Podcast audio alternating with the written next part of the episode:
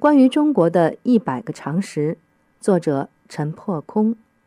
历史篇：古代中国的遗产四。小蒙古何以灭亡大中国？中国教科书载明，蒙古人建立的元朝是中国的一个朝代。其实，蒙古就是蒙古，中国就是中国，这是两个完全不同的国家。蒙古灭亡中国前后，也曾灭亡众多亚洲、欧洲乃至中东国家。如果说蒙古就是中国，中国就是蒙古，那么也可以说蒙古就是俄罗斯，俄罗斯就是蒙古，以此类推到所有被他灭亡的国家，这显然不能成立。元朝作为蒙古帝国的四大汗国之一。疆域除原中国之外，还包括其他周边国家。当蒙古帝国瓦解之后，被他灭亡的四十多个国家，包括中国、俄罗斯等国在内，先后复国，蒙古也回归他原先的领地。一一二七年，金国灭亡北中国北宋，作为亡国之君，北宋皇帝宋钦宗和太上皇宋徽宗没有选择自杀成人。而是向金国投降称臣，为了活命，受尽羞辱和凌辱，为中国历史开创了最下贱、最无耻的先例。随后，无数中国民众仿效，民族气节丧失殆尽。后来，金国为蒙古所灭，蒙古进攻南中国南宋，历经四十四年战争，一二七九年，蒙古又灭亡了剩下的半个中国。蒙古人能骑善射，凶猛异常。征服的手段主要是屠城，制造震撼式恐怖。据明朝人王维贤《九贤词记》，蒙古军制，军所至，但有发一矢相隔者，必尽屠之。意思是，蒙古大军所至，只要有一人发一箭相抵抗，那里就会被屠城，人尽灭绝。蒙古人攻入四川、陕西一带，过程尤其惨烈，死伤枕藉，血流成渠。在灭亡中国的整个过程中，蒙古人一路砍杀、摧毁、强奸，以至于县无完乡，乡无完村，村无完妇。据历史记载，因为蒙古人杀戮，中国人口剧减百分之九十。而最保守的估计则至少是百分之五十。北方汉人被屠杀四千万，南方汉人被屠杀两千四百万。有骨气、有血性的中国人大部分被杀。当时的金国和蒙古都是小国，各自人口都只有百万，却能打败并灭亡人口高达一亿的中国。小国吞并大国，上演了蛇吞象的人间惊悚剧。大国竟然亡于小国，后人百思不得其解。其实，中国人不仅仅是被金国人、蒙古人打败，更是被投靠金国、蒙古的中国人打败。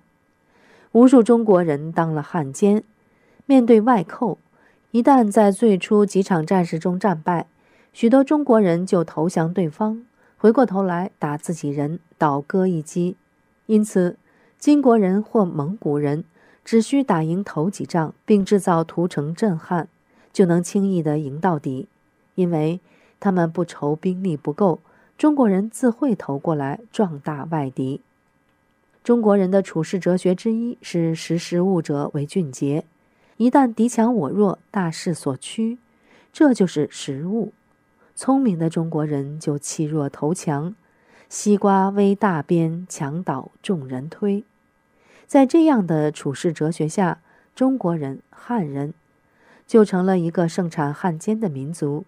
小蒙古灭亡大中国，正是在大量的汉奸们帮助下，应验了唐朝诗人司空图的诗句：“汉儿学得胡儿语，却向城头骂汉人。”崖山之战是蒙古灭亡中国南宋的最后一战。